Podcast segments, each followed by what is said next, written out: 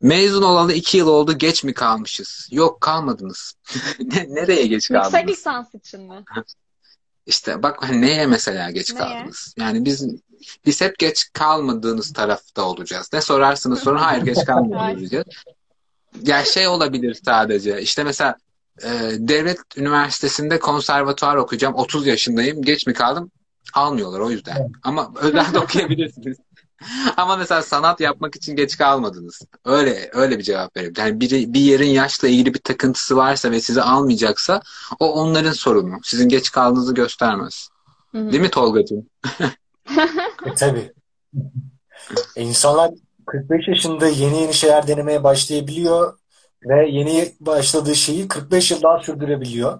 Evet. Ve o 45 yılın sonunda bambaşka bir şeyle sonlandırabiliyor hani. Evet. Ve bir anda resme merak salabiliyor.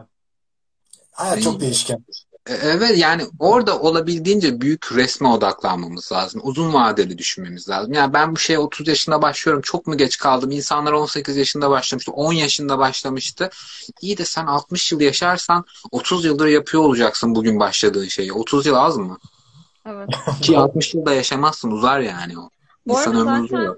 e, yüksek lisansın genel yaş ortalaması da oldukça yüksek bu arada. Yani Evet, geç bir şey yok.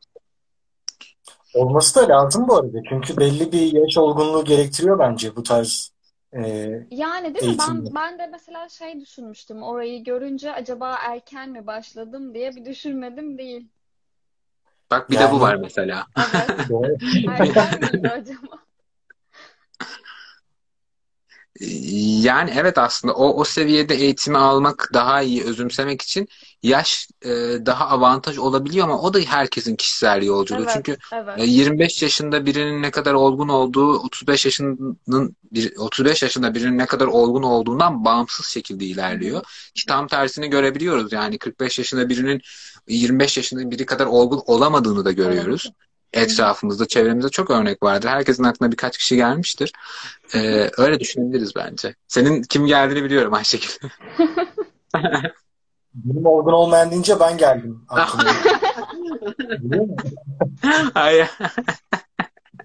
Yok yok. Yok çok Yok. daha büyük yaşlar. Keşke sen olsaydın. Yok ama Tolga'cığım sana zaten her ben Tol, aslında şöyle bir şey var. Belki handikap oluyordur Tolga. Ee, senin bu olgun davranışlarından dolayı seni e, olduğundan daha e, tecrübeli diyeyim, yaşlı demeyeyim. Zannedenler oluyor olabilir. Kaç yaşında olduğunu söylemek ister misin? Ben 25 yaşındayım da o kelimden de kaynaklı Aa. olabilir. Ben bile şaşırdım. Ay Yok ben de şaşırmıştım. Çünkü gerçekten e, hani ya- zaten hani yaş işine önem vermediğimi Ayşegül çok iyi bilir. Yani Hı. insanın ben tamamen davranışına önem veriyorum. Çünkü bu işin yaşla ilgili olmadığının çok örneğini gördüm. Önceki hayatımda ve önceki işlerimde de yani turizm sektöründeyken senede 5-6 bin kişiyle tanışıyordum. Hatta 2-3 aylık bir periyotta sadece yaz döneminde.